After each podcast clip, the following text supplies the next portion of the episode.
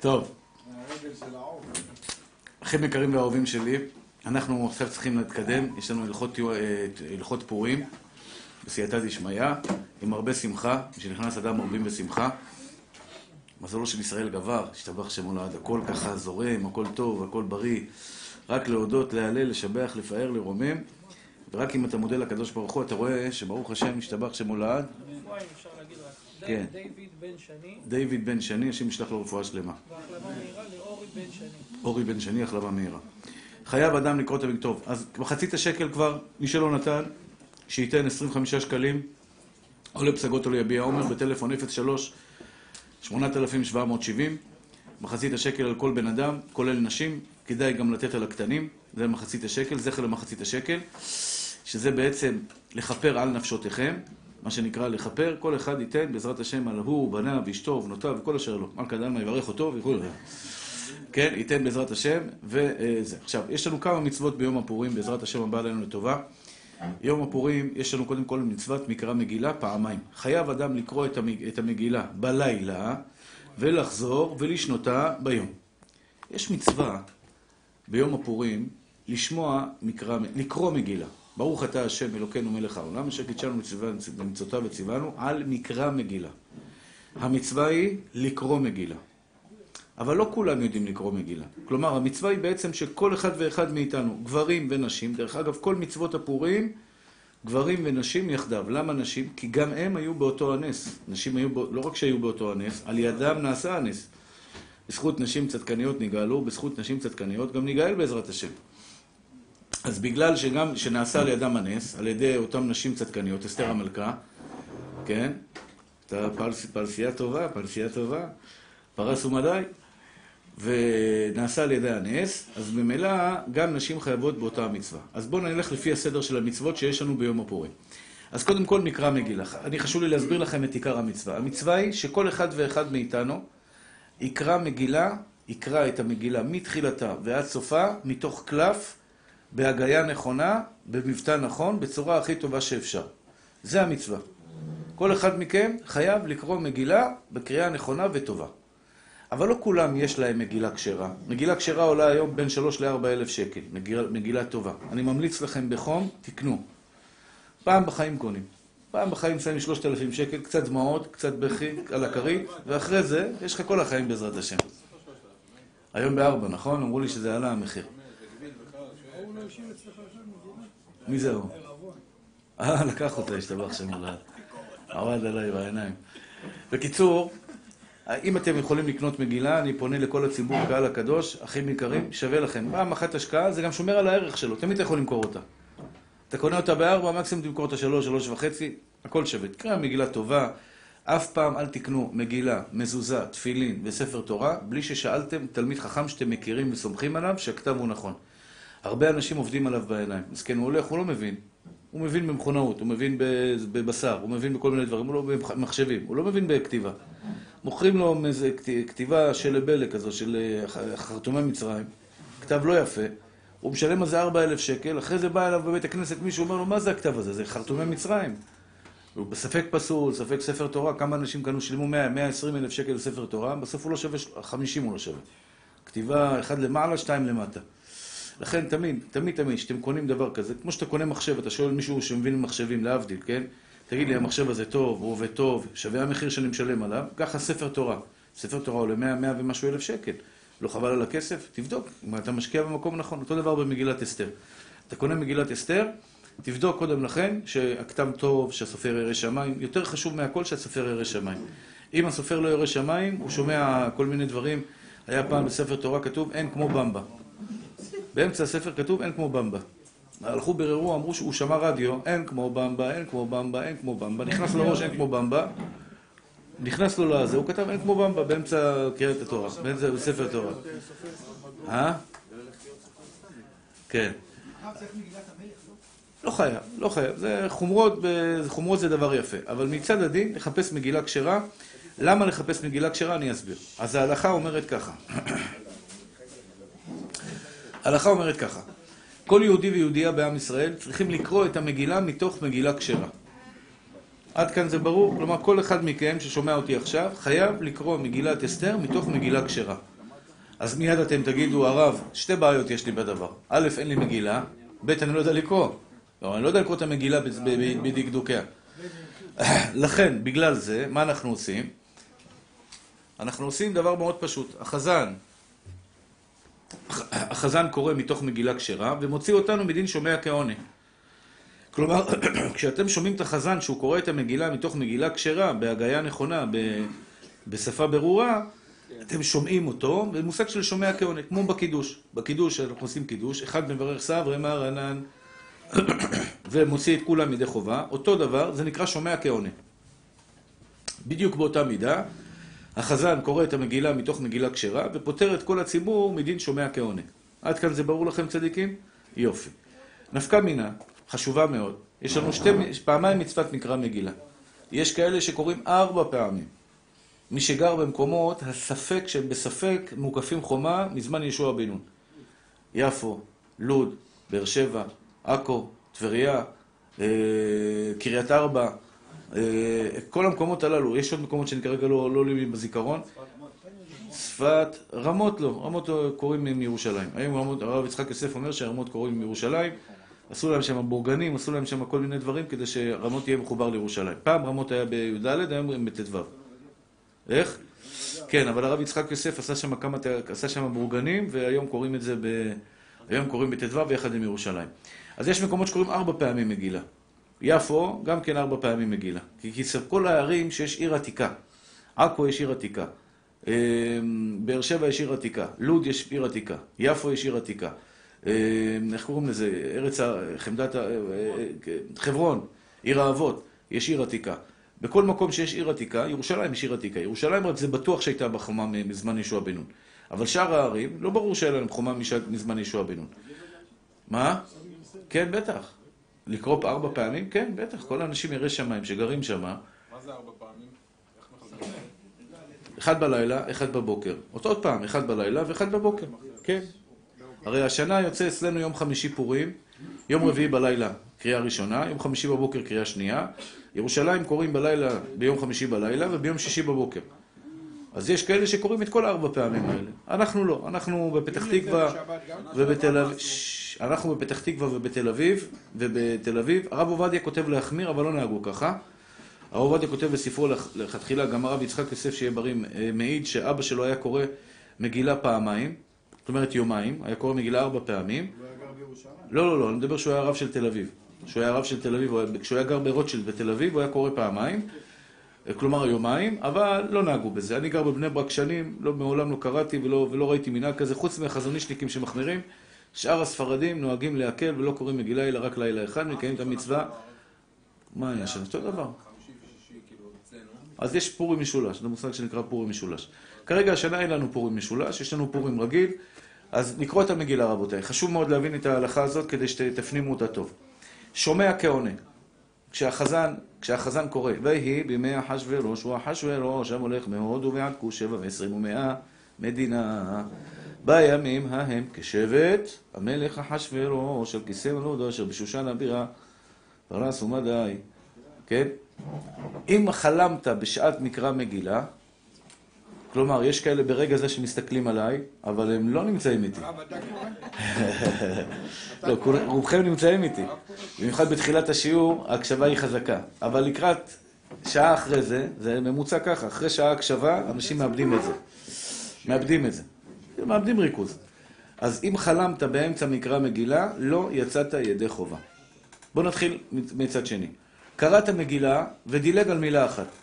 ואת פרשנדתא ואת אספתא ואת פורתא ואת הדליה ואת הריסה ואת הרידאיה, עשרת בני המן, דילג על ואת. לא אמר ואת. לא יצא ידי חובה. כך כותב הרשב"א, אדם שדילג על מילה אחת ממקרא מגילה, לא יצא ידי חובה. בסדר עד כאן, מתוקים שלי? לכן, אותו דבר, אם אדם חלם ולא הקשיב, ובמילה אחת המוח שלו סטה לכיוונים אחרים, הוא פתאום חשב על המשלוח מנות, הוא פתאום כמה כסף הוא צריך לבזבז מחר על מטענות לאביונים, הוא חשב על איזה רכב חדש שהוא, שהוא חושב לקנות, הוא חשב על הבית החדש שלו, איפה הוא משפץ אותו, איך הוא משפץ אותו, כל מיני מחשבות שרצו לו באמצע, באמצע מקרא מגילה, לא יצא ידי חובה. מה יעשה הבן אדם? יכול לקרוא מתוך מגילה פסולה עד חצי מגילה. יכול לקרוא מתוך מגילה פסולה עד חצי מקרא מגילה. כלומר, נכון שאמרתי לכם שאדם חייב לקרוא את המגילה מתחילתה ועד סופה מתוך מגילה כשרה, זה רק לכתחילה. אבל בדיעבד, אם קרא מתוך מגילה חצי מהמקרא, פחות מחצי, ממקרא מגילה, הוא קרא מתוך מגילה פסולה. חומש זה נקרא מגילה פסולה. מה זה נקרא מגילה כשרה? מגילה כשרה זה נקרא שכתובה בדיו על קלף, עם שרטוט כמו שצריך, לפי הכללים של כתיבת ספר תורה ו- ו- וכתיבת uh, מזוזה. אז אם עכשיו חלמת, נגיד, סתם ככה, אה, זה לאו דווקא חלמת, צריך לשים לב, הרבה פעמים בבית הכנסת יש רעש, מישהו עושה אפצ'י לידך. אם מישהו עושה אפצ'י לידך, ודאי חזקה עליך שלא שמעת מילה או שתיים. אם אתה עשית אפצ'י, ודאי כשאדם עושה אפצ'י הוא לא שומע. אתם יודעים את זה. אפצ'י, באותה שנייה הוא לא שומע. אם אתה עשית אפצ'י באמצע מקרא מגילה, גם כן לא שמעת בשנייה הזאת שעשית את האפצ'י, לא שמעת את המקרא מגילה. וכן על זה הדרך. הזיזו כיסא, הזיזו כיסא לידך. בטח, ודאי. אני קורא את המגילה, כל פעם שיש רעש בבית הכנסת, אני יוצר את הקריאה וחוזר עוד פעם. עד שיש שקט מוחלט. ודאי. אני שומע כיסא זז, אני עוצר. אני ממש ערני למה שקורה בציבור. כי כל רעש קטן, אנשים לא יודעים את זה. מסכנים, חרם, בן אדם בא לקרוא מגילה, ברוך השם, מבסוט, ששמח, בא לקיים מצווה. זו מצווה מדברי סופרים, מצווה חשובה, וזה מדברי קבלה. מצווה חשובה מאוד. פעם בשנה יש לנו אותה. יותר נכון, פעמיים בשנה, בלילה ובבוקר. אז מה, בן אדם בא עכשיו שמח וטוב לב, רוצה לצאת ידי חובה ונקרא מגילה. אני בדרך כלל לא אוהב לעלות חזן, ולא לא קורא בתורה, ולא עושה שום דבר. חוץ מדבר אחד במשך השנה שאני כן קורא, זה מקרא מגילה. אני אגיד לכם את האמת, למה אני עושה את זה במקרא מגילה? אני מפחד שלא לצאת ידי חובה. אני מפחד שלא לצאת ידי חובה, ולכן אני בעצמי למדתי קריאת מגילה כדי לקרוא את המגילה כמו שצריך. לכן אתם תהיו ערניים צדיקים שלי. קודם כל, קודם כל חשוב מאוד ללכת לבית כנסת, ללכת לבית כנסת שיש בו מה שנקרא אנשים יראי שמיים בתכלית. יש בתי כנסת שיש שם כל מיני ילדים שיהיו מורים מופרעים, עם הורים מופרעים. אומרים אמן, מתחילים יריות, קפצונים, בלאגנים, כל מיני רעשנים, וזה גורם שהציבור, למשל, הנה עכשיו בשיעור גם כן יש כאלה שמפריעים. אני לא אמרתי מי, אני לא אמרתי מי, אבל אם, אם קריאת מגילה יעשו לך בלאגן כזה, אתה לא תצא ידי חובת מקרא מגילה. לכן, חובה על כל... חובה על כל בן אדם, מי שרוצה לבוא ליביע עומר, אצלנו ברוך השם צריך לבוא מוקדם, לתפוס מקום. הקריאה, תפילת ערבית מתפללים בשעה עשרה לשש, עשרה לשש מתפללים תפילת ערבית, ומקרא מגילה מיד אחרי עשרים דקות, קוראים את המגילה, זה תפילת שחרית בשעה שמונה, שעה טובה, שעה נוחה, לא להביא קפצונים, לא להביא רעשנים. אנחנו נוהגים, כמו שהרב עובדיה אמר בתחילת דרכו, המן הראשון מכים בו.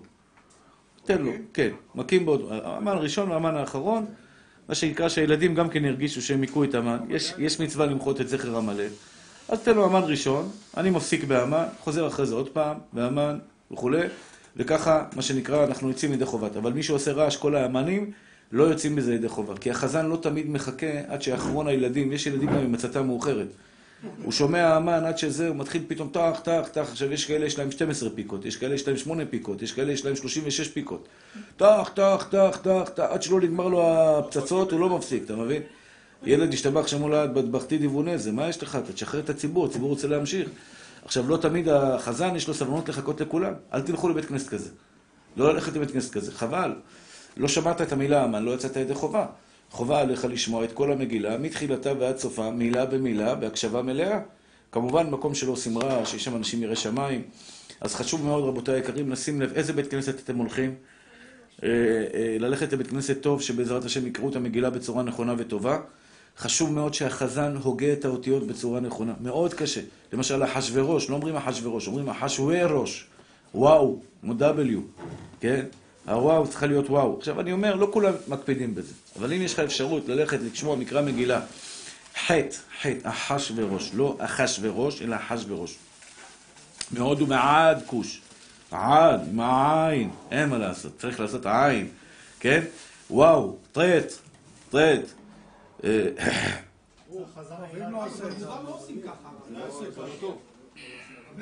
חיים, ברוך אתה אדוני, אלוהינו מלך העולם שהכל נהיה ודברו. אתה צודק ממי שלי, רובם לא עושים ככה, אבל רבי כשאתה קונה קרקע, אתה מחפש את best, נכון? אתה מחפש משהו שיש בו רווח טוב. אתה לא מחפש קרקע שתרוויח עליה אלף שקל על פיה. אתה מחפש קרקעות שאפשר לעשות עליהן קופה גדולה. כמו שאתה משקיע בקרקעות ואתה קונה מכונית, אתה לא קונה מה ש... אתה מבין? אתה קונה אוטו טוב, שמה שנקרא ישרת אותך נאמנה. אותו דבר בית, פנטהאוז יפה, בלי עין הרע בן פורת יוסף. באותה מידה, גם קריאה מגילה, אתה צריך לצאת איפה שאפשר, קריאה הכי טובה שיש. מה, אנחנו פה, העולם הזה, מה ניקח איתנו? רבי, ש... רבי שמעון היקר, מה ניקח איתנו? הבית, הילדים יתחלקו ממה, להווה ידוע לך. תרצה או לא תרצה, עוד לא יצא אחד מהקבר ולקח את הבית שלו בחזרה. אין מה לעשות. הילדים ייקחו, המכוניות ייקחו, מה, מה יישאר לך? מקרא מגילה ששמעת. אם שמעת אותה בדקדוקיה, הכניס אותך לגן עדן, השתבח שמו לעד, יא ציפורי, משהו עולמי. אבל אם שמעת שלב אלה, מקרא מגילה חצי חצי, 50-50, אתה תשב, יהיה לך דליפות שם, יהיה לך בלאגן, יהיה לך צנרת סתומה פתאום, בלאגן, עזוב אותך אחי, שב, גן עדן של החיים. טוב, לכן... אפשר לקנות מגילה לחבר? מה זה לקנות מגילה לחבר? תקנה, אתה יכול לקנות גם לי, מה שאתה רוצה, ממי. מה... זה 60 יקנה לי. אה. טוב. אה, בקיצור, מה אני רוצה להגיד לכם? אז מקרא מגילה, שימו לב רבותיי, מצוות מקרא מגילה. לחפש בית כנסת טוב, קורא טוב, נשים גם כן חייבות עם מקרא מגילה. אני ממליץ לנשים לא לבוא בשעת קריאה של גברים. אם אתן יכולות, לא לבוא בשעת קריאה של גברים, מכמה סיבות. סיבה ראשונה, נשים שיהיו בריאות יושבות רחוק. עזרת נשים רחוקה. לא תמיד הן שומעות טוב, כהוגן, את המקרא מגילה. זו סיבה ראשונה. סיבה שנייה, הרבה פעמים הנשים שיהיו בריאות מביאות ילדים.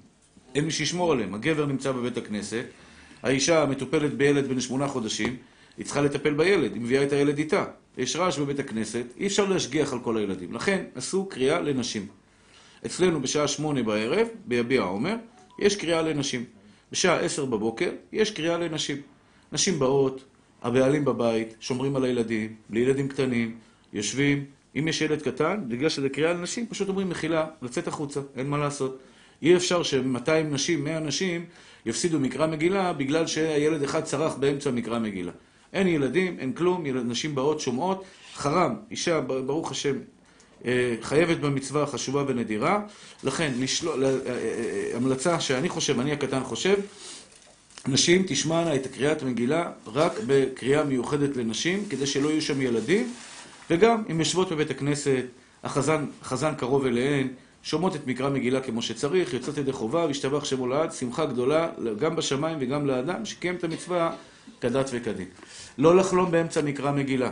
אם חלמת באמצע מקרא מגילה, לא יצאת ידי חובה. חובה לשים אצבע במקרא מגילה, ויהי בימי אחשורוש, הוא אחשורוש המולך מהודו ועד כוש, שבע ועשרים ומאה מדינה, בימים ההם. כשבט המלך אחשורוש, כיסא מלכותו שבשושן הבירה, בשנת שלוש למולכו עשה משתה לכל שריו ועבדיו, חיל פרס ומדע, פרתם עם שרי המדינות לפניו. כן? אתה קורא ולאט לאט אצבע עם המילים, ואם בא לך מחשבה, מיד להסיט אותה. אחשורוש. האמת שסיפור המגילה הוא סיפור מעניין. הגמרא אומרת שתרי קלה לא משתמע, אבל במקרא מגילה תרי קלה משתמע. כלומר, שתי קולות משתמעים. זה, זה, זה סיפור מעניין, כנס להגדה. יש גם קוראים שקוראים את הסיפור ממש בדרמטיות. הוא אחשורוש המולך מהודו ועד כוש. האיש רע, צר ורשע, המן הרע הזה. וזה מכניס לך לדרמה, השתבח שמולד לסרט.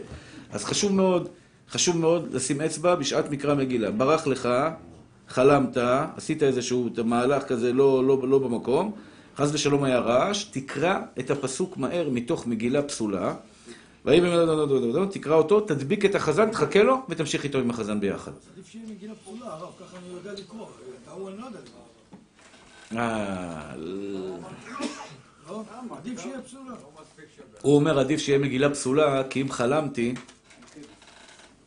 מנוקדת הכוונה, כי אם חלמתי או הייתה איזו תקלה, אז אני אוכל לקרוא מתוך המגילה הפסולה. כי במגילה כשרה אין ניקוד, אז איך תדע איך לקרוא?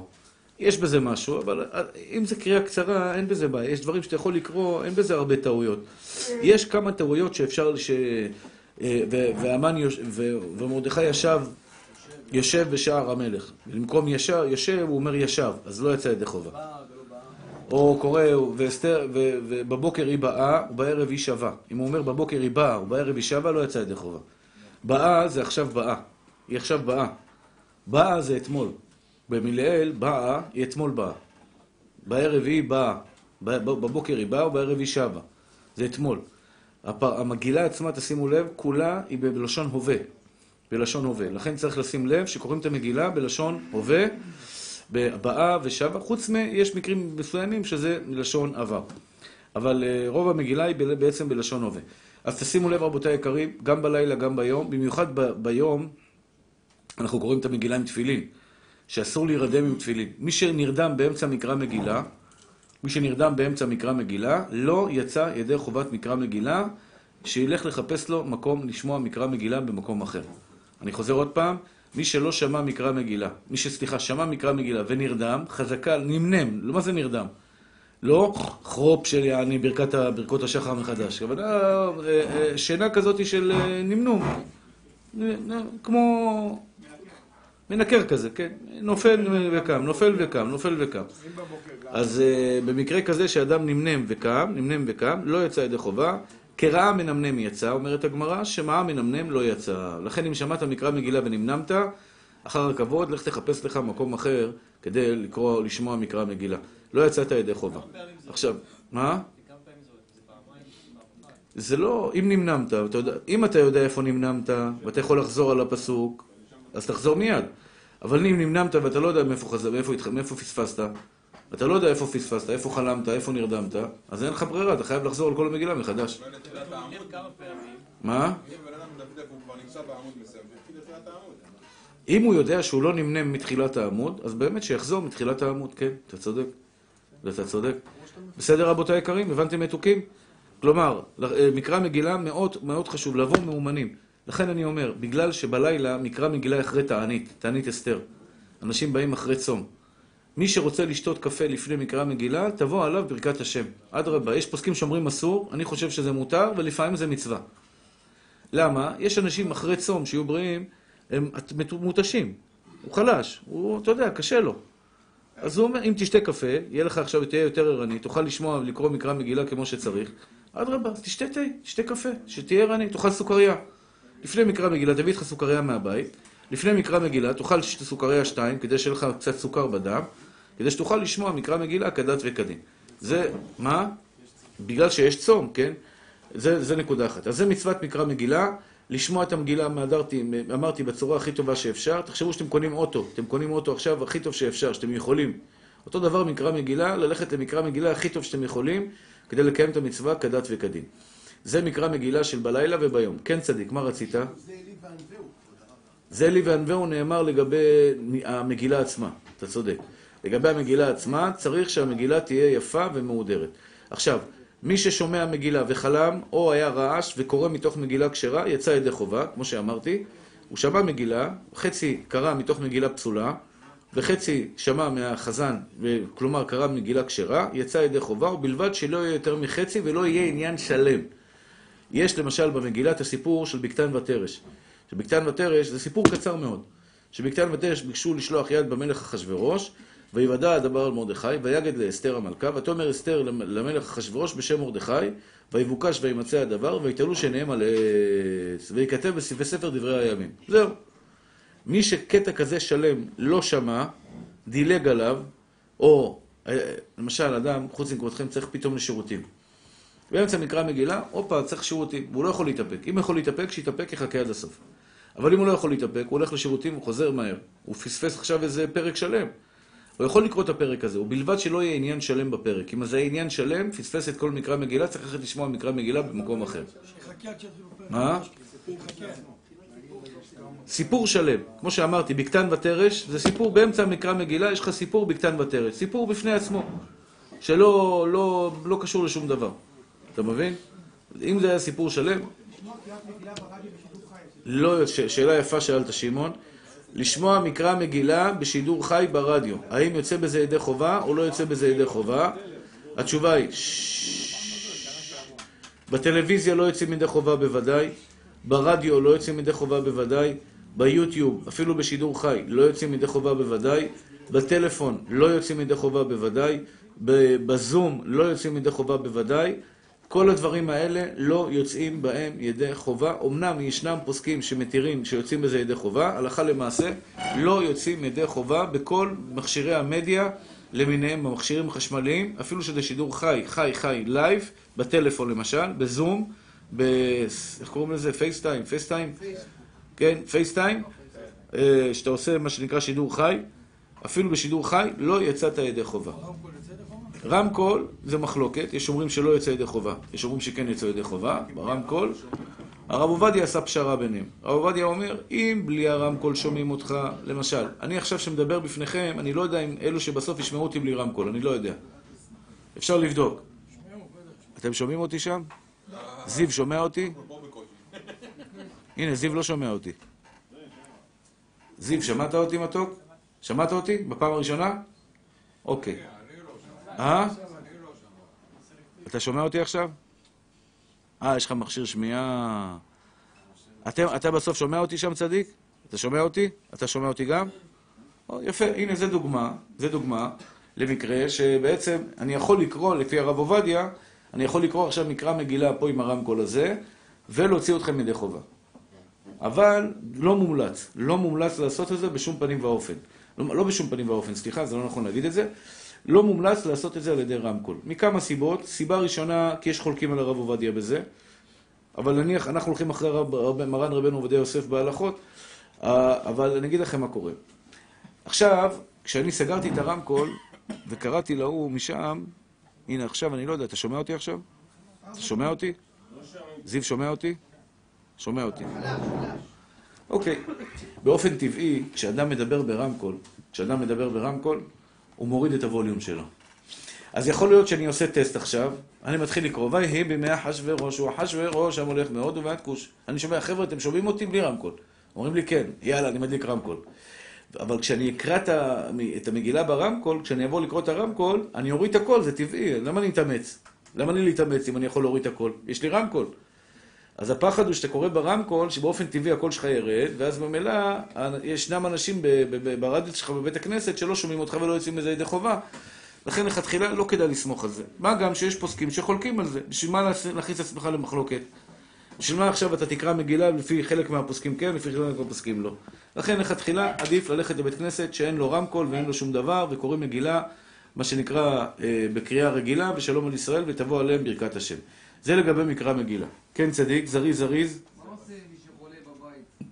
מי שחולה בבית צריך להביא קורא שיקרא לו בבית. ישלם לו 100 שקל, שיקרא לו בבית מקרא מגילה. אין מה לעשות, ממי.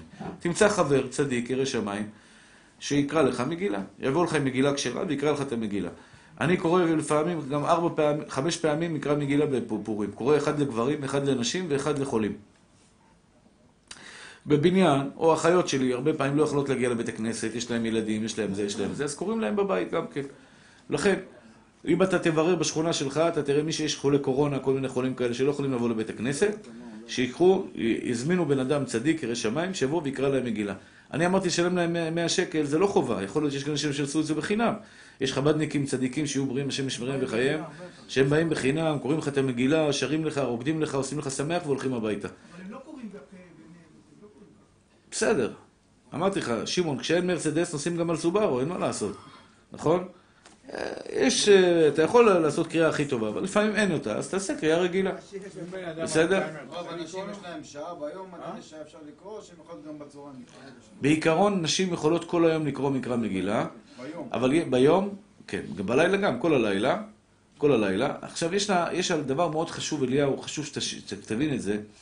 אסור, לפני שקיימת מצווה, אסור, אסור לאכול יותר מקבצה פת וקבצה אה, מזונות. לא לפני תפילה, לפני כל מצווה. כל מצווה שאתה מחויב בה. למשל, אני הייתי פעם בבוקר בטיסה. יצאתי בבוקר מוקדם, לא הספקתי להתפלל לפני הטיסה, הייתי בטיסה. במטוס לא יכולתי להניח תפילין, לא הרשו להניח, אה, לקום לזה, אני התפללתי. אז התפללתי, אבל לא הנחתי תפילין. התפללתי תפילת שמונה עשרה, התפללתי כמו שצריך, הכל בסדר, אבל תפילין לא הנחתי. אני צריך להניח תפילין אחר כך, נכון? יש עליי מצוות להניח תפילין. והייתי רעב, רעב. זה היה בקפריסין. הגעתי לבית חב"ד שם, היה שם ארוחת בוקר טובה, השתבח שמו לעד. מותר לי להניח, לאכול ארוחת בוקר ואחרי זה להניח תפילין? התשובה היא, כל עוד יש עליך מצווה שאתה חייב לקיים אותה, יש עליך מצווה שאתה חייב לקיים אותה, אסור לך, אסור לך ל, ל, ל, לאכול יותר מקבצה פת או קבצה מזונות לפני שאתה מקיים את המצווה. אותו דבר, אותו דבר בבדיקת חמץ. בדיקת חמץ, נכון? בעזרת השם, שפסח הבא עלינו לטובה, בערב פסח, יש לך מצוות בדיקת חמץ. ובדיקת החמץ, השתבח שמונד בדרך כלל רעבים, כל היום עבדו, ניקו את הבית, סידרו את הדברים.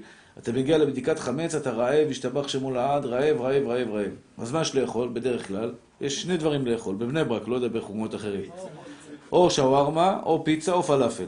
זה אחד משלושת הדברים שיש לאכול.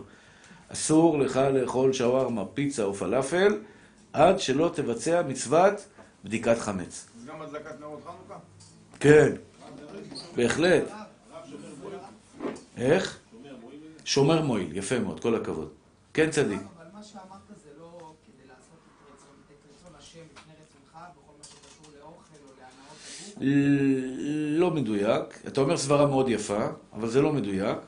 כלומר, זה בגלל שאנחנו מפחדים שתשכח. אדם עכשיו יאכל שווארמה, לאפה שווארמה. לפני מקרא מגילה, יעשה הפסקה, ילך לאכול לאפה שווארמה. עכשיו, לאפה שווארמה, אחרי זה בא זה קצת קוקה קולה טעים. אוכל, אחרי זה צריך לשבת בספה קצת, ל- להירגע. או, אתה מבין? אז הוא יושב עכשיו ככה על הספה ונרגע, בינתיים הוא מתחיל, הוא עבד קשה היום, הוא מתחיל לנמנם, ואז פתאום הוא מוצא את עצמו קם, בבוקר, השתבח שם עולם.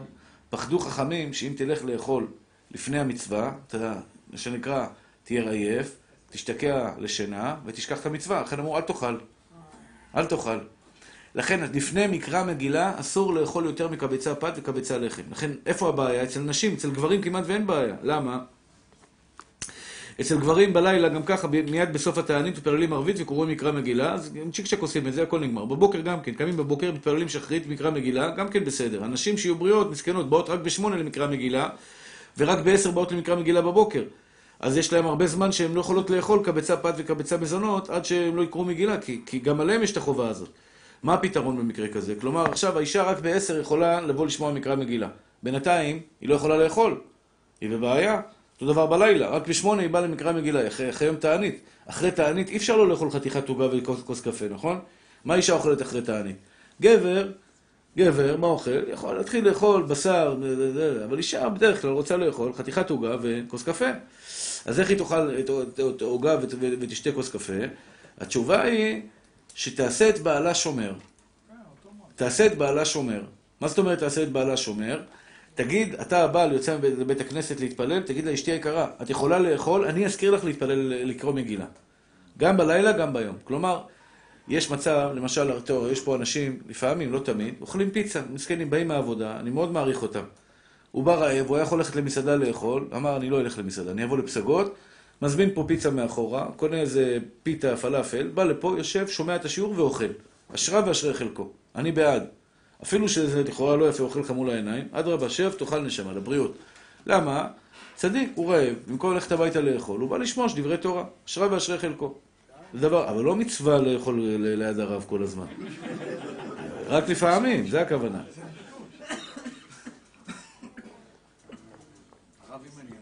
שנייה אחת, שנייה אחת. עכשיו, למה... הוא עוד לא קרא קריאת שמע. זה שהוא אוכל פה פיתה, לא, עכשיו לא אוכלים, אבל אוכל פה פיצה, הוא עוד לא קרא קריאת שמע, אמרו לי, הרב, למה אתה לא מעיר להם? עוד פעם, עכשיו אנחנו ב- בערב, נכון? אנחנו בלילה. ישנם אנשים שאוכלים פה פיצה. איך מותר לו לאכול פיצה? הוא לא קרא קריאת שמע, אסור לו לאכול לפני שהוא קורא קריאת שמע פיצה. הרי שמא יימשך אחר סעודתו. שמא יאכל וירדם ולא יברך קריאת שמע. מה התשובה? למה זה מותר? יש לו שומרים, אני השומר שלו, אני פה השתבח שמו לעד, אם אני אראה אותו בתפילת ערבית נרדם, מה אני אעשה לו? אני אגיד לו, הלו, תקום מתוק שלי, תקום נשמה שלי, קום תקרא קריאת שמע. אתם הבנתם את המתוקים שלי? אותו דבר אחד שנרדם. יש כאלה שנרדמים לי בשיעור באופן קבוע. ברוך השם בא, יש לי קול מרגיע, ברוך השם, אווירה טובה, השתבח שאשתו לא מפריעה לו, אשת- הוא, אשתו אומרת, הוא מרביץ תורה ברבים, לומד תורה, לומד תורה, הוא בא לפה מרביץ חרופ, השתבח שמו לעד. איך הוא יושן? אסור לישון לפני קריאת שמע. מה התשובה? יש לו פה, בלי עין הרע, 50 שומרים.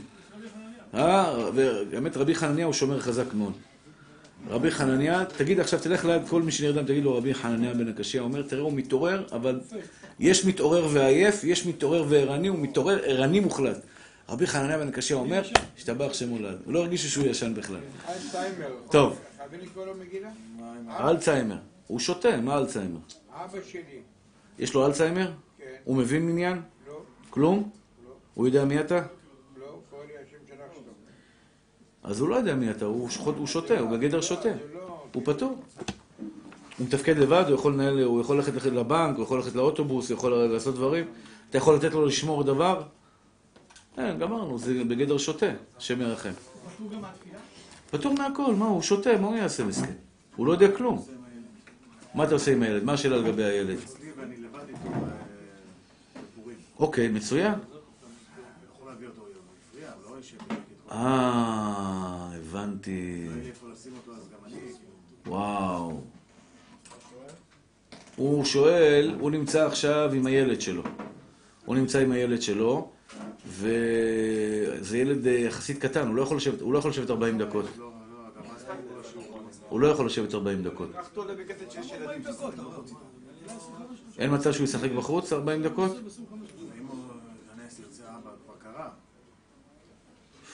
וואו. אין מצב שתביא לו בייביסיטר? לא לא? יאכלו, יאכלו, בעזרת השם יאכלו. תחשוב חיובי. א- א- אין לי פתרון ממי, אני... גם להביא מישהו הביתה לא יעבוד, כאילו, רק נרדם. כאילו. כן. תנסה והקדוש ברוך הוא יעזור שתצליח. טוב, עוד כמה מצוות, אז זה מקרא מגילה. רבותיי היקרים והמתוקים, עוד כמה מצוות יש לנו ביום הפורים. יש לנו מצוות אה, מקרא מגילה, יש לנו מצוות משלוח מנות, יש לנו מצוות מתנות לאביונים, ויש לנו מצוות סעודת פורים. אתם אוחזים ראש? כמה מצוות יש לנו בפורים? אחד, מקרא מגילה, שתיים, שתיים מקרא מגילה, אחד, מתנות לאביונים, אחד, משלוח מנות, ואחד, סעודת פורים. מתנות לאביונים, מתנות לאביונים, מה זה, מה זה מתנות לאביונים? קודם כל, כדאי להתחיל במצוות מתנות לאביונים. כתוב במגילה, משלוח מנות איש לרעהו ומתנות לאביונים. מה זה מתנות לאביונים? תקנו חכמים, בגלל שיום פורים זה יום שמח. ויש מצווה לשמוח בפורים, אין שמחה אלא בבשר ויין. זה כמו שאני אגיד לך, תשמח ואתה רעב. מה יעזור לי? איזה שמחה זאתי? תן לי בשר, תן לי יין, אני אוכל, אני אשתה, תגיד לי, תשמח. אה, ככה אומרת הגמרא, אין שמחה אלא בבשר ויין. בן אדם רעב, לא יכול להיות שמח. עכשיו, אתה אומר לעניים מסכנים, אתה אומר לעניים, רבותיי, אתם חייבים לשמוח ביום הפורים. אתם חייבים לשמוח ביום הפורים. אמרו חכמים, איך אני אתן לו לשמוח ואין לו מה לאכול, יש לו חתיכת בצל. לכן ציוו חכמים על כל עם ישראל, נשים, גברים, מגיל 13 לגברים, 12 לנשים, ציוו עליהם כל ישראל ללא יוצא מן הכלל, לתת מתנות לאביונים. כמה זה מתנות לאביונים? יש עין טובה, יש עין בינונית ויש עין רעה. מינימום זה שקל, חצי שקל, זה המינימום. מה, אבל זה, זה בדיחה. מי שנותן חצי שקל, אני אומר לכם, זה יכול להיות קטרוג גדול על הבן אדם. כן, אתה נותן חצי שקל לבן אדם, נכון. שאלו עליהם, מה יספיק חצי שקל? אז הם אומרים, תבקש ממנו חצי שקל, חצי שקל, חצי שקל, נעשה סיבוב פה של חצי שקל מכולם, בסוף יצא לך 50 שקל, אה, 25 שקלים, בסוף תלך, תקנה לך איזה מנה פלאפל, תאכל, כן? אבל עוד פעם, זה ביזיון שיש לנו ציווי חכמים לתת מתנות לאביונים, אנחנו נותנים חצי שקל. אבל מצד הדין, באמת יוצאים בזה. אבל אתה שואל אותי כמה זה מתנות לאביונים? אם אתה עכשיו הולך עם אשתך לאכול, מה אתה אוכל? פלאפל או שווארמה? בן אדם נורמלי, ממוצע, עובד טוב, שווארמה, פלאפל, אתה יודע, אני לא אומר שזה רע, אבל אה, בן אדם רק מסכן, אוכל, שאין לו כסף, אז הוא קונה ב-10 שקל פלאפל, או 15 שקל פלאפל. אבל מי שיש לו כסף, קונה שווארמה. תלוי במצב הכלכלי של הבן אדם. לכתחילה, צריך לתת מתנות לאביונים, קודם כל צריך לתת לשני אביונים. מתנות לאביונים זה בלשון רבים. מתנה לכל אביון, שני אביונים. לא יוצאים מידי חובה באביון אחד. צריך לתת, ודאי. לא, שני אביונים. זוג צריך לתת לשני אביונים, שתי מנות לשתי אביונים. הגבר נותן מנה לאביון ומנה לאביון, האישה נותנת עוד מנה לאביון ועוד מנה לאביון, שני אביונים יצאת ידי חובה. אני כבר אסביר. לא מכספי מעשר, לא, לא מכספי מעשר, מהכספים שלך. שואלים אם אפשר מעכשיו. בטח, אני עכשיו, אני בעזרת השם יום רביעי לא אראה אתכם. מי שרוצה, אני מחלק מתנות לאביונים, ייתן לי היום. ביום, בו ביום אני מחלק אביונים, אני מחלק עשרות אלפי שקלים ביום הזה. עניים מחכים, כל השנה, עניים מרודים. אני מדבר איתכם על אביונים, אביונים, מה שנקרא באבו אבו האביונים. מסכנים, באמת מסכנים. נותנים יותר, אתה יכול לתת מהמעשר. אבל בוא נגיד רגע כמה אתה חייב לתת. כמה אתה חייב לתת. הרעיון הוא שיהיה לו מנה לאכול בפורים. אני לא יודע מה הוא יעשה עם זה. בדרך כלל, שיהיו בריאים האביונים האלה, חוסכים את זה לפסח. אתה יודע, פסח זה חג מלא בהוצאות, שיהיו בריאים. הילדים קונים בגדים. עכשיו קנינו חליפות לכל האברכים. קנינו חליפות לכל האברכים. 14,000 שקל עלה לנו. אבל עשיתי חשבון, אמרתי, מסכנים, אברך עכשיו הולך עם חליפה קרועה. שבתות, חליפות כאלה. חליפה, אם אני אתן לו עכשיו 400 שקל לחליפה, הוא הולך, יקנה מזה לילדים. אני רוצה שהוא גם ירוויח בזה. אז קנינו חליפות לכל האברכים. זה 112, 107 ועשרה אברכים, ברוך השם. אז אה, זה, יש גם כולל ביום פורים, מי שרוצה להצטרף אלינו, 300 שקל אברך ביום פורים.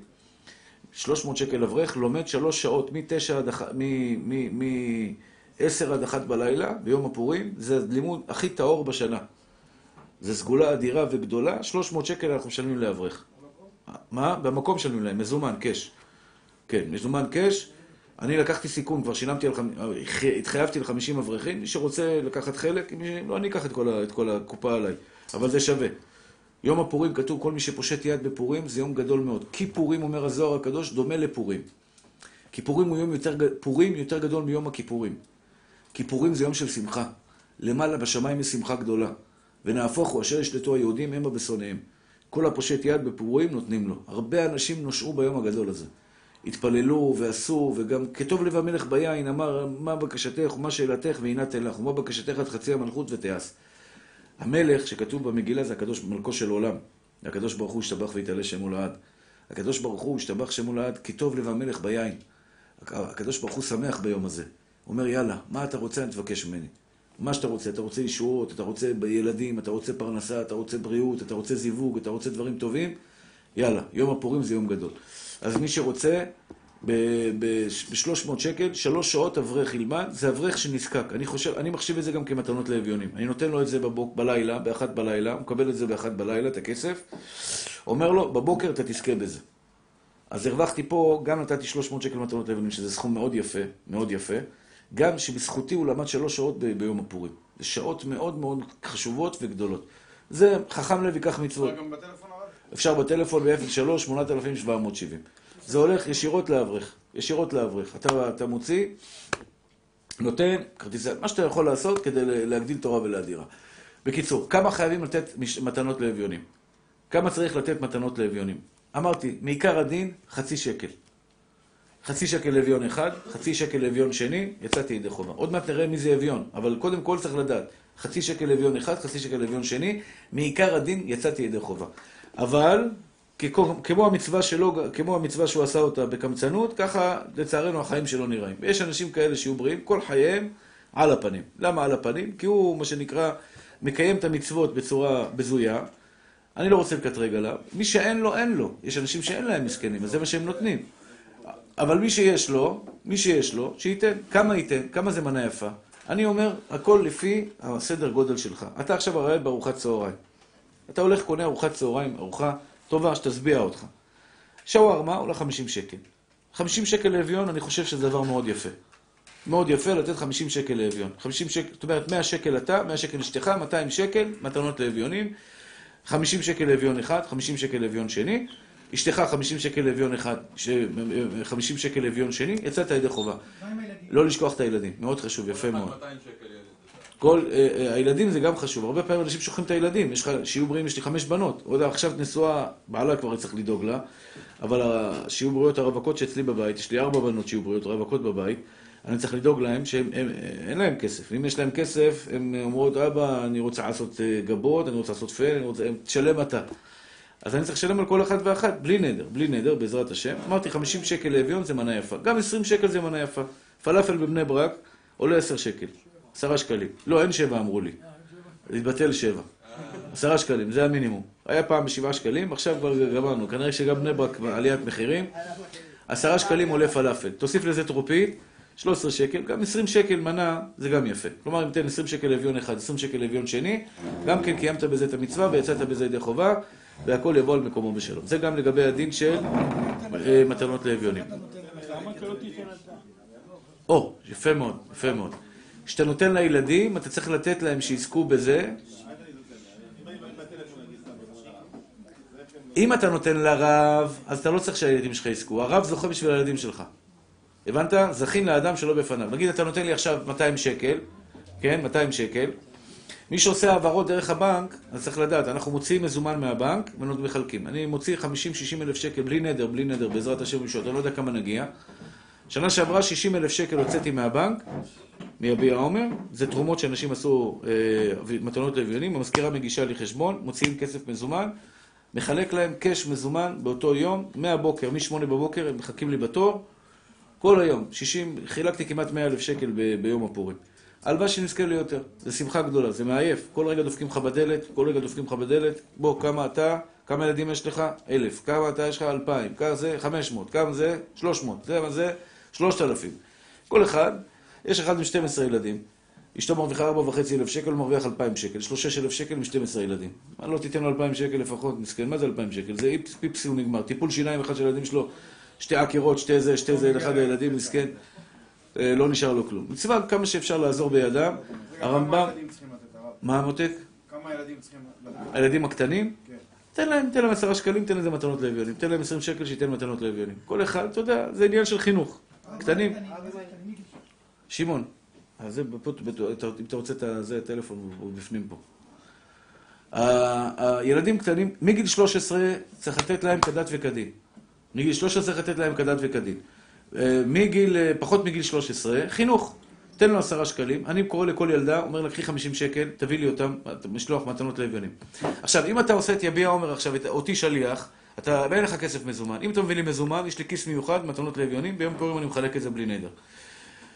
אם אתה עושה את זה דרך הטלפון, אני זוכה בשבילך, כשאני מרים את ה-50 אלף שקל, את ה-60 אלף שקל, כמה שיתרמו אני לא יודע, אני מרים את זה, מרים את הכסף הזה, אני זוכה בשביל כל אלו שמינו אותי שליח, הם ובניהם ונשיהם. כן? הם, בניהם, בנותיהם ונשיהם. אני זוכה בתור שליח, ומזכה את זה לעני בתור שליח שלך. הבנת? אז אתה עושה את ההעברה לך ולמשפחה שלך, ואני זוכה עבור כולם. הבנתם רבותיי? אם נתנו 300 על אברך אחד הרב, ואביון אחד יוצא. כן. לא טוב. לא, צריך לחלק את זה לשתיים. אז, אה, אז תיתן עוד 50 שקל. עוד 50 שקל. לחלק את זה. כאילו, עכשיו את ה-300 שקל הולך לאברך אחד. זה אני מודיע לכם. 300 שקל הוא לומד שלוש שעות, אבל תשמע, זכ- זכית פה בלוטו, אחי. 300 שקל זה זכייה גדולה. הרב צריך לתת לך את השם, לא? לא, הקדוש ברוך הוא יודע את השם שלך. לא, באמת, אני לא צוחק. אם אתה מביא לי 300 שקל, לא, אני לא יודע את השם שלך בבור העולם, לא יודע מי למד בשבילך תורה. הקדוש ברוך הוא יודע. עוד פעם. זה לא חייב. תראה, כשאנשים, לפעמים בן אדם בא, אומר לך, תרשום את השם שלי בבית הכנסת. כאילו, הקדוש ברוך הוא צריך תזכורת מי תרם את בית הכנסת. הקדוש ברוך הוא יודע מי, אל תדאג, הוא יעלה אותך מעלה מעלה. אתם צריכים, אתם אחרי 120 תחפשו אותי רק בשביל דבר אחד, להגיד לי תודה. לא בגלל שאני עושה, אני, אני באמת נותן לכם שירות נפלא. אתם לא יודעים כמה, איזה זכות זה שביום פורים, יום פורים, אברכים עניים מרודים. מי, איזה אברך נשאר לישון בלילה, או עייף מסכן, נשאר בין, בין, בין 10 בלילה ל-1 בלילה, לשבת שלוש שעות וללמוד תורה, רק אחד שהוא בשביל 300 שקל, זה רק אחד שאתה יודע, הוא צריך את זה לאוכל בבית, למטרנות לילדים. אז אתה זוכה בזה, מתנות לאביונים, על הבוקר הוא זוכה בכסף. אתה זוכה בזה שיש לך שלוש שעות ביום פורים של לימוד תורה. וגם זכית לשמח משפחה, הביא 300 שקל. תקשיב, כשהוא מביא 300 שקל הביתה, הוא בא הביתה, אשתו שמחה גם כן. זה לא רק הוא שמח, אשתו שמחה. העלית שמחה גם על האישה, על, על, על, השפתיים שלה. לך תדע איזה יופי, איזה, איזה מתנה יפה הוא יקנה לילדים שלו. הילדים האלה שלא יודעים מה זה מתנות, לא יודעים מה זה שום דבר. עוני גמור. אז אתה משמח משפחה, זו זכות גדולה. זה לא דבר פשוט. אני לקחתי על עצמי 50 אברכים לפני שאחד התחייב לי. 15,000 שקל. 15,000 שקל עליי. אמרתי, אני לוקח כמה אני אצליח להתרים, לא יודע, אבל אני לוקח על עצמי 15,000 שקל. עכשיו, בעזרת השם, מי שרוצה להיות שותף, בשבת אמרתי להם, אתם יודעים מה, אני מוכן לקחת עוד. מי שרוצה להצטרף, שיצטרף. כלומר, אנחנו עוברים את החמישים בהרבה. יש הרבה אברכים שרוצים להצטרף. מי שרוצה להצטרף אליי, תבוא עליו ברכת השם. יש אחד שירצה לקחת את כל, ה- את כל הזה, 15,000 שקל, גם תבוא עליו ברכת השם. תבוא עליו בוודאי ברכת השם. אני לא דואג ממי. אני לא דואג, אני יכול, אני אקח את זה על עצמי, אני אשלם את הכל. אם צריך, אני אשלם את הכל. אני יודע שזה זכות, אני יודע שזה דבר גדול, ותאמין לי, אמרתי לך, אני פרסי משני צדדים. אני סוחר, אני לא פראייר. אני לא פראייר. אני סוחר, ברוך השם, אני יודע איפה להשקיע.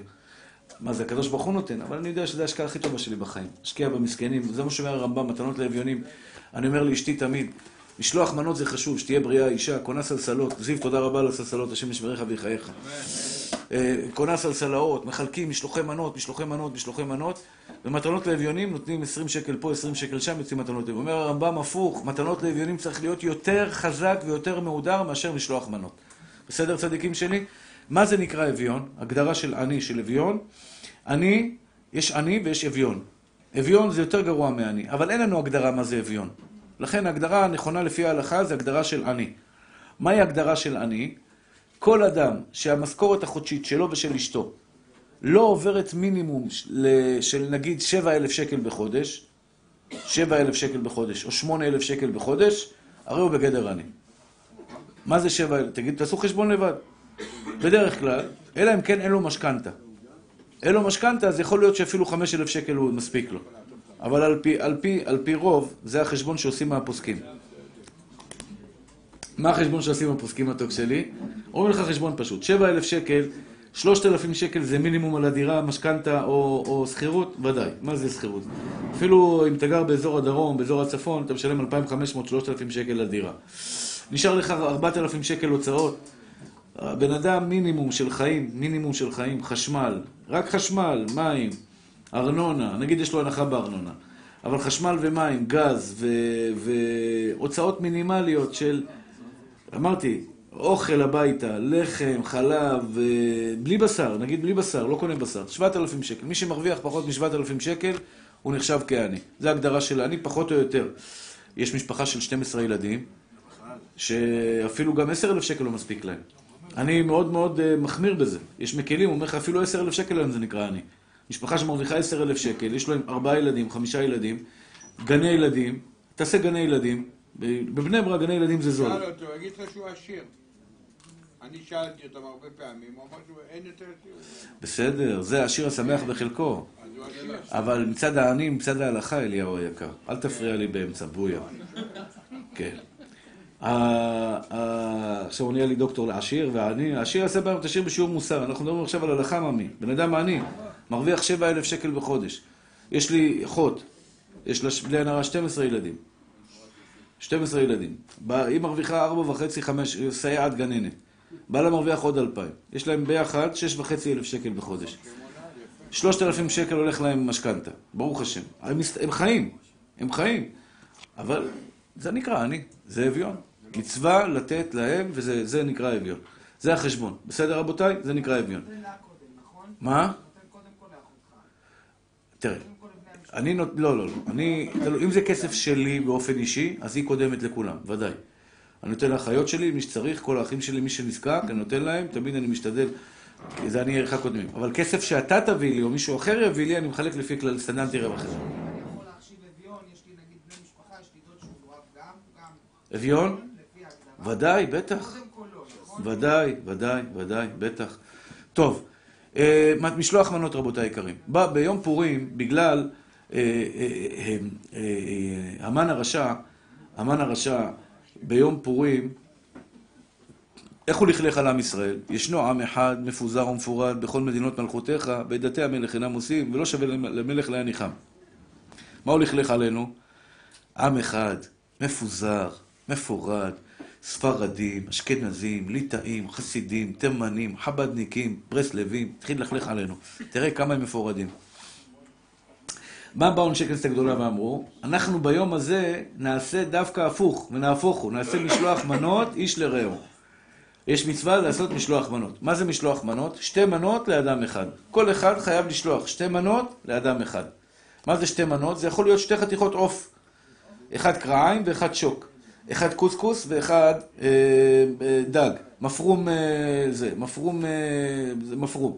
אחד אה, קוגלה, קוקלה ו- וצ'ילנאי, אני יודע, משהו אחר, אה, איך? משהו אחר. כן, עכשיו באמת, בזמן חז"ל, בזמן, בדורות הקודמים, היו מביאים אוכל. יש אחד כל פורים שולח לי שיהיה בריא משהו ממש פריקסה. אה, שזה במקום, ארוחת בוקר, אני חוזר ממקרא מגילה, מחכה לי בבית פריקסה, ארוחת בוקר לי ולאשתי, השתבח שמולד, ולילדים. זה המשלוח מנות הכי טוב של, של פורים. שמה המטרה של המשלוח מנות? מה המטרה של המשלוח מנות? המטרה של המשלוח מנות כדי להשביע את רעבונם. תאכלו שיהיה לך מה לאכול בפורים. יש אנשים שזה. עכשיו, המטרה היא במשלוח מנות, רבותיי היקרים, לעשות שלום בין אדם לחברו. לכן, למי הכי מהודר לשלוח משלוח מנות? אסור לשנוא, בחיים אל תשנא. זה שאתה לא מסתדר איתו הכי הרבה. זה שאתה למשל מפריע לך הכי הרבה בשיעור למשל, דווקא לא תשלח, תשלח לו הכי הרבה, לא אתה, לא אתה, מי אמר? אני אמרתי אתה. למה אני, למה אתה תמיד יש כופר? מצב שאני רואה אותך בפתח של הדלת של הבית שלה? טוב.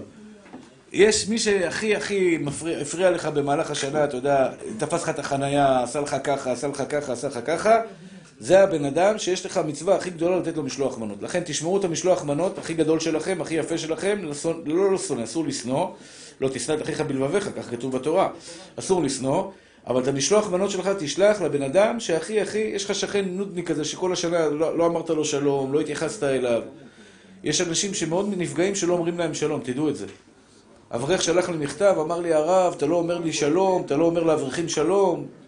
עכשיו זה מהאברכים, אחי, אני צריך להיכנס לבית המדרש, שלום, שלום, שלום, שלום, שלום, שלום, שלום, זה לא ייגמר, אחי, אני לא, לא יכול, אני אומר שלום, שלום עליכם, נכנס.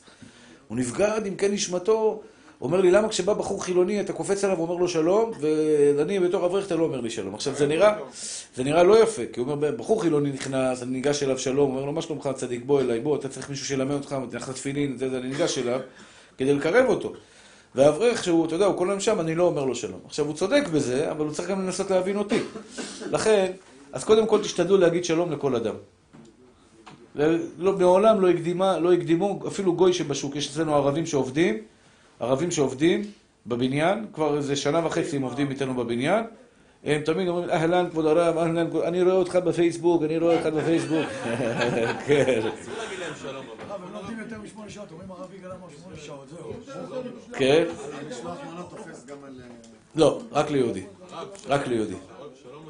מותר להגיד אהלן, תגיד לו מה העניינים, מה שלומך, הכל בסדר, הכל בסדר. לא, גם שלום מעיקר הדין זה מותר. מה, אתה עובד עובד אצלך, אתה יכול להגיד לו הכל. רגע, אמרת שפעם הם נותנים שני משלוח מנות. עכשיו כן, אז קודם כל, שני, משלוח מנות אה, אה, אה, עשוי, מה זה משלוח מנות? משלוח מנות עשוי ממנה ועוד מנה, שתי מנות. מעיקר הדין, כל סוגי האוכלים. יש, יש אומרים שזה יהיה אוכל ושתייה, יש נוהגים שזה יהיה אוכל ושתייה, יש עוד חומרה שזה יהיה על ידי שליח, ויש עוד חומרה שזה לא יהיה בשקית אחת. אני חוזר. מעיקר הדין אפשר שתי מנות של אותו סוג אוכל, שתי מנות של אותו סוג אוכל. עכשיו, למה לא? אמרתי, אצלי נותנים. יש לי בוכרי אחד שמביא לי באופן קבוע אושפולו. כן? כל, פעם מביא לי אושפולו. יש משפחה אחת מביאה לי סלטים מרוקאים. יש משפחה אחת, אמרתי לך, מביאה לי פריקסה. רגע. ממי, רגע, אליהו. עליהם אתה אל. תתעצבן. קודם כל אל תתעצבן. תן לי לדבר רגע. שמיטה, אתה לא יכול לסמוך על שום אוכל שמגיע אליך הביתה, אני מצטער, אני מתכוון... אם אני אביא לך אוכל, אתה לא תסמוך עליי? אתה תביא לי כן, אבל יש הרבה אנשים שמביאים לי אוכל, אני זורק את זה לפח, אני מצטער מאוד, מה לעשות? כי אין מה לעשות, זה. אוכל. תן לו, תן לו צ'יפס, תן לו צ'יפס. לא אוכל. בקיצור, מה אני רוצה לומר? אתה צודק, אם זה בן אדם שאתה לא מכיר, אתה לא יכול לסמוך עליו, אבל אם זה בן אדם חרדי, מביא לך אוכל, למה לא? תאכלו ענבים ויסבעו, מה? מושיקו יביא לך אוכל, אתה לא תאכל? זה יביא לך אוכל, אתה לא תאכל? אדרבה. סתם תפסת קריזה ושחררת עצבים. אה, בקיצור, אז נחזור לעניין שלנו.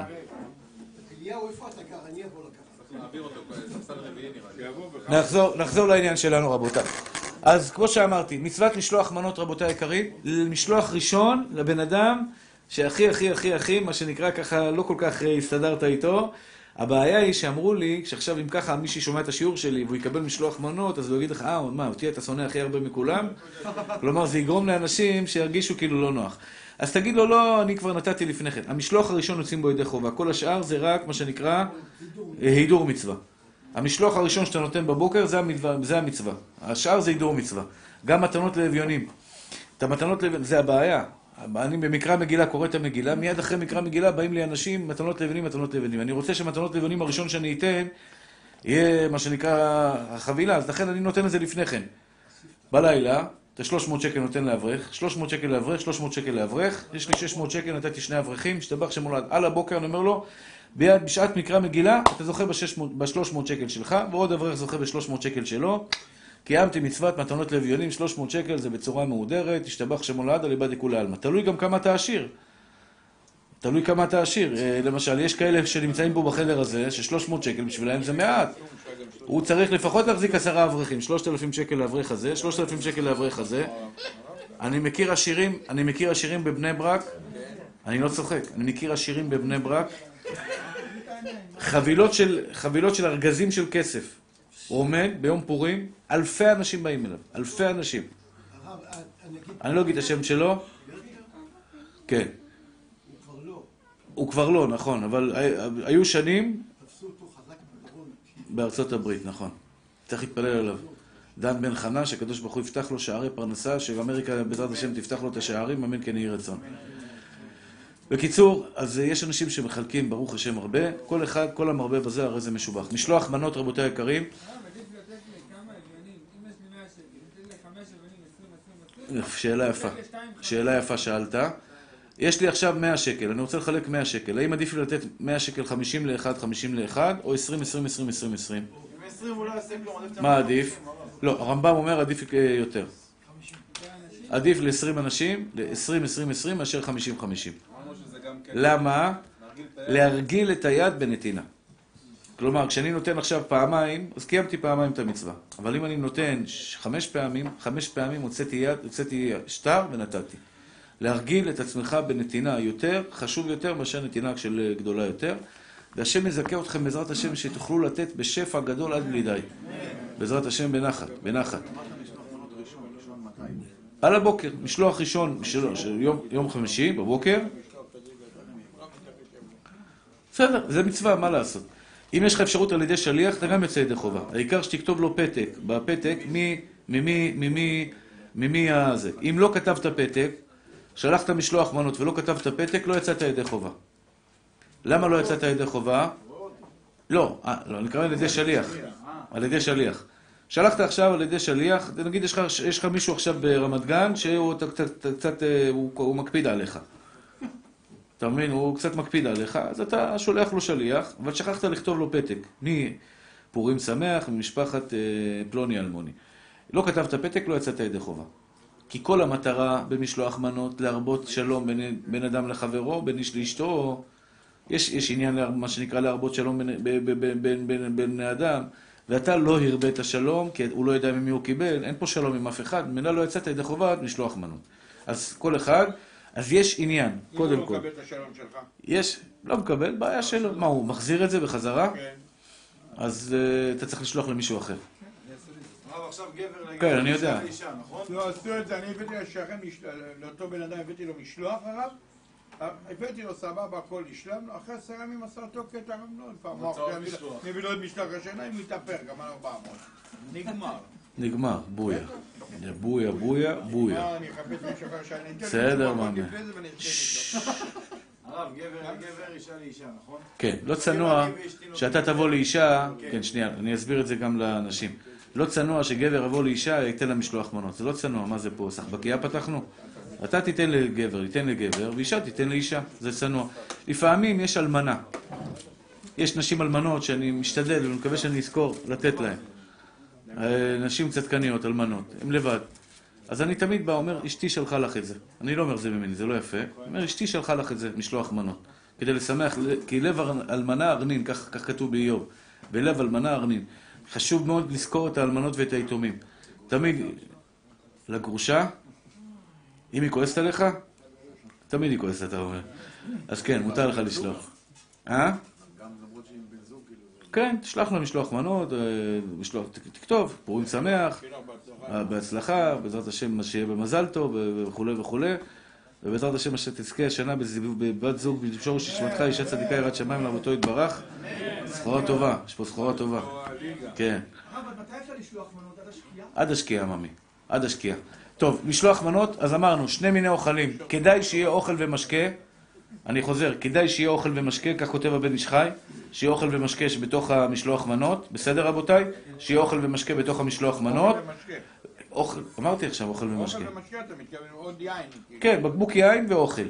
הכי טוב זה אוכל שהוא יאכל בסעודה. אם אתה יודע את המשפחה, למשל, אה, אתה שולח, אני שולח לאליהו, אז אני אומר לאשתי, תעשי קוסקוס, היא לא יודעת לעשות קוסקוס אמיתי, היא יודעת אולי, בעצם אשתי יודעת. קוסקוס אמיתי, תביא למה קוסקוס אה, זה טריפוליטאי, הוא צריך קוסקוס אוורירי, אה, משהו כזה מיוחד, אתה מבין? אם זה בוכרי, תשלח לו או שפולו או בחש, בחש כזה טעים, השתבח שמו לעד. אה, מכאן אני רומז לכל חבריי הבוכרים, שרוצה לשלוח למשלוח מנות. יש לכם עכשיו, לא, סתם אני צוחק, אני סתם צוחק. אשתי עושה רומס אבזי, השתבח שמו לעד, יש לנו מספיק אוכל בבית. אני סתם צוחק. גונדי עושים, ברוך השם, השתבח שמו לעד. זה אוכל. אבל אם לא, יוצאים מדי שוקולדים. היום, מנהג העולם, לתת שוקולדים. ולמה? בגלל מה ש... בטח, בטח. במבה, בגלה, שוקולד, ביסלי, עונת ביסר, ספה, מזנון, שטיח, אל תיזכן. הכל יוצאים, הכל יוצאים. כל דבר שראוי לאכילה, סיגריות לא יוצאים מדי חובה. אם אתה שולח לו סיגריות, או זה סיגרים, משהו משובח, סיגריה אלקטרונית לא יוצאים מדי חובה. רק דבר מאכל. רק דבר מאכל. האוכל, אוכל שאפשר לאכול, כמה שוקולדים יוצאים לפה. כן, כן. יוצא ידי חובה. היום נהגו לתת שוקולדים ודברים כאלה בגלל שאנשים לא סומכים על הכשרים. אנשים לא סומכים על הכשרים, הם סומכים יותר על, אה, על בד"ץ וזה, אז אתה נותן לו סגור ושלום על ישראל. עכשיו, ראוי לתת לכל אדם לפי כבודו. לפעמים זה ביזיון. אתה בא לבן אדם מכובד, אתה יודע, נגיד איזה משהו כזה חשוב. אה, ראש העיר, אה, סגן ראש העיר, אתה יודע, חבר כזה, חבר כזה, חבר כנסת, כל מיני, אתה נותן לו שקית במבה עם בקבוק יין. היה עדיף שלא תיתן מאשר תיתן לו ותבזה אותו. כן, אתם מבינים? אם אין לך כסף, אל תיתן. אל תיתן. אבל אם יש לך כסף, תעשה לכל אדם לפי כבודו ומעלתו. בסדר? יש בן אדם, אני למשל בן אדם פשוט, אפשר להביא לי במבה וזה, אני בשבילי זה עונג. באמת, אני... ברוך, לא צריך לתת לי, אבל שרוצ... אם רוצים, מספיק לי במבה וזה. אבל ב... ב... יש אנשים שזה זה פוגע בהם. מה, זה מה שאתה מביא לחבר כנסת, זה מה שאתה מביא לזה? אני, אני לא אומר על כולם. אני לא... יד? אליהו תירגע, ממי. אני מדבר עכשיו על, אה, על אה, אה, באופן עקרו- עקרוני. לכן כל אדם לפי כבודו. סעודת פורים, רבותיי היקרים, בזה אנחנו סיימנו. כן, צדיק, מה רצית? שתי שאלות. אה, מה דעתך על העניין הזה של מקומות העבודה שעושים הגרלה? זה לא ביום של פורים, זה בדרך כלל יום לפני. מה זה עושים הגרלה? לא שמעתי. הגרלה של השמות, מי שיוצא מעביר... אה, אה.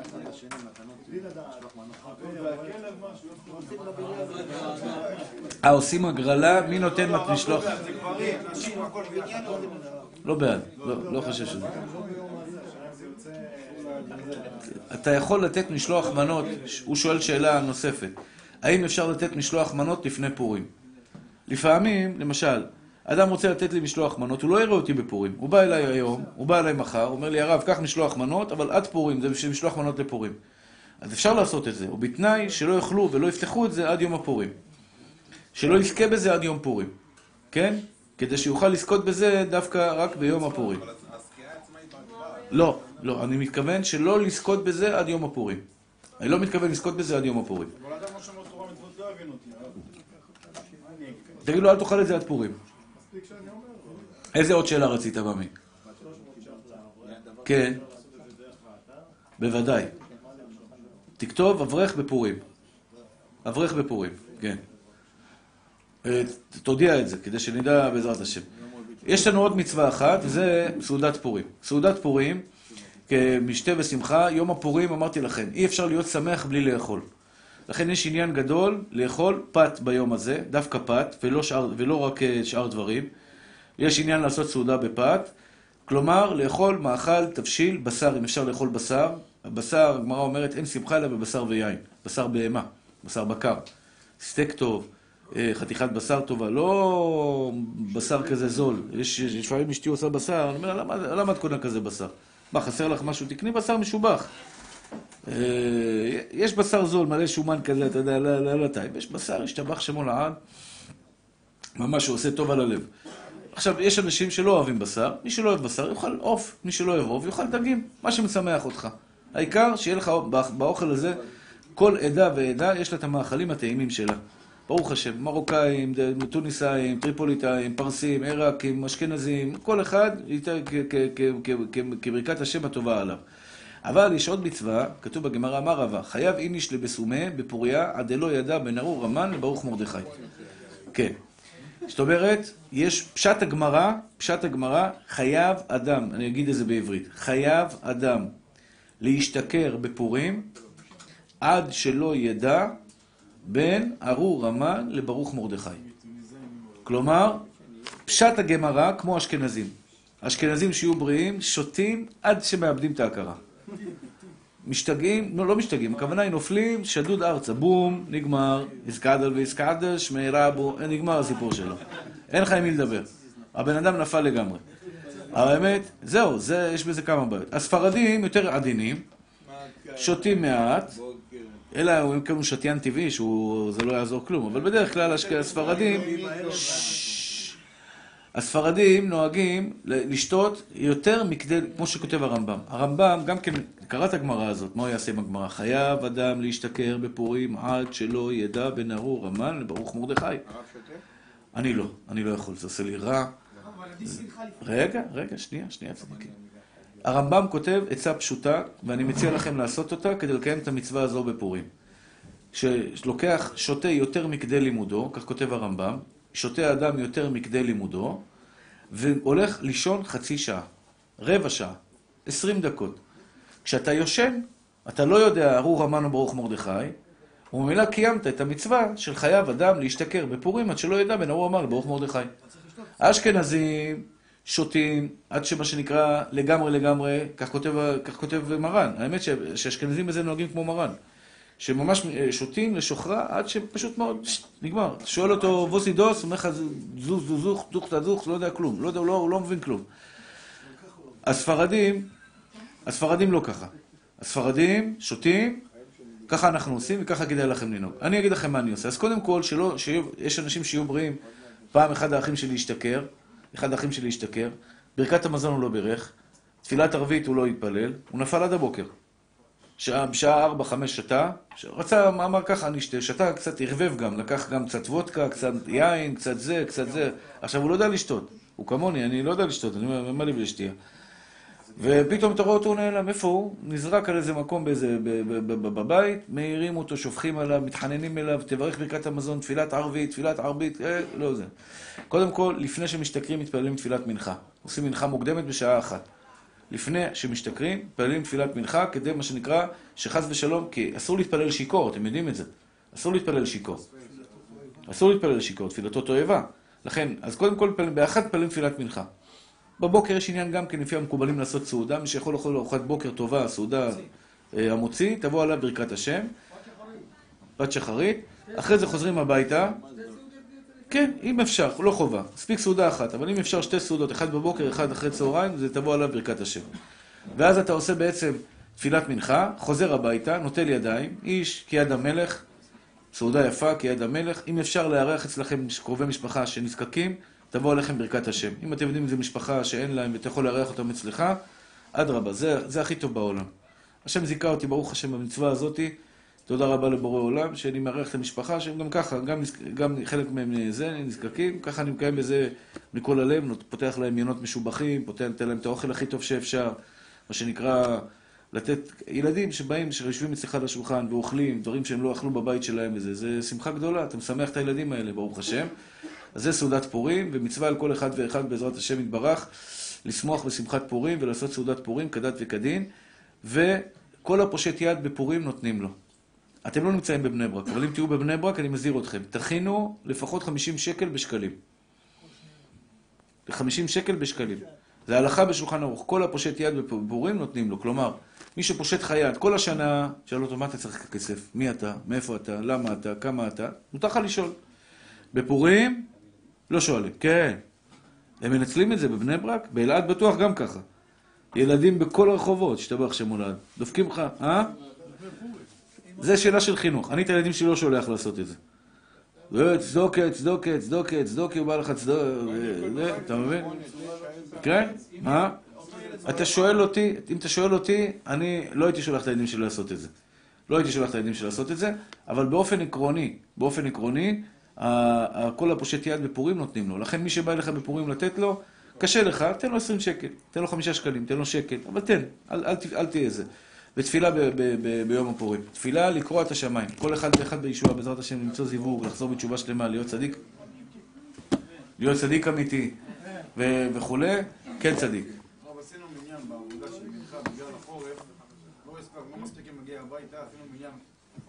חזרה. כן.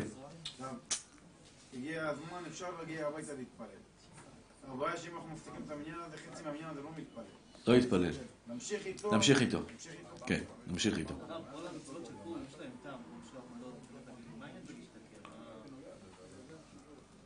שמחה. לבסומה. חייב איניש לבסומה. זה, זה מצווה יותר גדולה, לשמוח עד שאתה משתכר, עד שאתה מאבד את ההכרה. לשון הרע, יש לשון הרע גרוע ביותר, לשון הרע שמדברים על הרבה אנשים. למשל, שאתה אומר למשל, העדה הזאתי והזאתי קמצנית, העדה הזאתי והזאתי עצבנית, העדה הזאתי והזאתי לא נקייה. זה, השם מרחם, לשון הרע דרבים. זה יותר חמור מלשון הרע דיחיד. אם אתה אומר על אה, קהילות מסוימות, הקהילה הזאת היא לא ככה, הקהילה הזאת היא לא ככה, זה נקרא לשון הרע דרבים. לשון הרע דרבים, אה, גדול עוונו מנשוא. חמור מאוד, חמור ביותר. אומר חובת הלבבות, ענייני העולם מתחלקים לשני חלקים. האחד, ביטחון בהשם. שימו לב, יש לנו שלוש דקות, בואו נלמד ככה משהו בחובת הלבבות. יש לנו, אה, ביטחון בהשם מתחלק לשני חלקים. החלק האחד, דברים שהמטרה שלהם להביא תועלת בענייני העולם הזה. כסף, בריאות, ילדים, זוגיות. כל הדברים שמביאים לך תועלת בעולם הזה. והשני, דברים שמטרתם להביא תועלת לאדם לעולם הבא. גם בשביל העולם הבא, אתה צריך לפתוח בקדוש ברוך הוא. כלומר, אתה רוצה לקיים מצווה, אין לך כסף. אז אתה צריך לפתוח בקדוש ברוך הוא שייתן לך כסף. למשל, אתה רוצה לתת 300 שקל לאברך ביום פורים. אבל אין לך. לא כולם יש להם. אין לך. אפשר דרך אגב מכספי מעשר, אפשר לתת חלק מכספי- מכספים שלך וחלק מכספי מעשר, אבל אין לך. ואתה צריך לפתוח בקדוש ברוך הוא גם ענייני העולם הבא. אתה רוצה להיות מזכה הרבים. אני עכשיו רוצה לתת שיעור. אבל זה לא בידיים שלי, יבואו לי אנשים או לא יבואו לי אנשים, זה לא בידיים שלי. זה בידיים של בורא עולם, זה ענייני העולם הבא. גם בזה אתה צריך לפתוח בקדוש ברוך הוא. זה מה שאומר חובת הלבבות. גם ענייני העולם שמטרה אתה עושה אותם להביא תועלת בעולם הזה נחלקים לשלושה חלקים. הראשון, דברים מביאים תועלת רק לגוף האדם. כגון, מה זה גוף האדם? אוכל, שתייה, בגדים, קורת גג, אישה, דברים כאלה. זה, זה תלוי רק בי. השני, דברים המביאים תועלת לפרנסתו ולממונו ולנכסיו השונים, כמו דירה רכוש של האדם. כלומר, לא הגוף שלי, הבגדים שלי, הדירה שלי, המכונית שלי, כל הדברים האלה. והשלישי, דברים המביאים תועלת עבור בני אדם ואשתו וקרוביו ואוהביו ואויביו ושני עוד דברים. עכשיו, פה בקרובת הלוות מפרק את כל הביטחון בהשם לחלקים קטנטנים. במה אתה צריך לפתוח בקדוש ברוך הוא כל ימי חייך. אז קודם כל, יש לך את העניין הזה עכשיו, יש לך את העניין הזה של חלק, ב, ב, בעניין הזה זה חלקים שקשורים לגוף שלך. בריאות, הנפש והגוף, אתה בוטח בקדוש ברוך הוא שתהיה בריא בעזרת השם. אחרי זה יש לך דברים שקשורים לפרנסה שלך, הבגדים שלך, הבית שלך, המכונית שלך, ואחרי זה יש לך את הדברים שקשורים לאנשים אחרים. בכל הדברים האלה ללא יוצא מן הכלל, אדם צריך לפתוח בקדוש ברוך הוא ולסמוך עליו שבעזרת השם ימלא משאלות טיפך לטובה ולברכה וייתן לך את הטוב ביותר. שיהיה לכם פורים שמח, ברוכים תהיו להשם, אריכות ימים, בריאות. אדוני חפץ למען צדקו, יקדים תורה ויאדיר, יתגדל ויתקדש, רבה.